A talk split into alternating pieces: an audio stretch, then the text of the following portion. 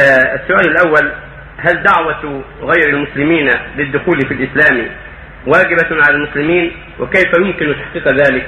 نعم. الدعوة إلى الله لغير المسلمين واجبة.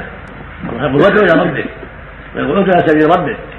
هذا غير المسلمين المسلمين قد دخلوا في الإسلام لكن يحتاجون إلى مزيد من الخير.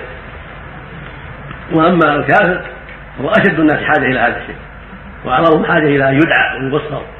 بلغته التي يعرفها أو بالترجمة إذا كان إذا كنت لا تعرف لغته فالمشركون من عباد الأوثان ومن النصارى ومن غيرهم حتى اليهود اذا أمكن أن يدعوا إلى الله يدعوا إلى الله. حتى الشيوعيون إذا أمكن بالحكمة والكلام هذا مطلوب. فجميع أهل الأرض من جميع الكفرة كلهم يجب أن يدعوا إلى الله إذا تمكن الداعي إلى الله وصار عنده قدرة على ذلك.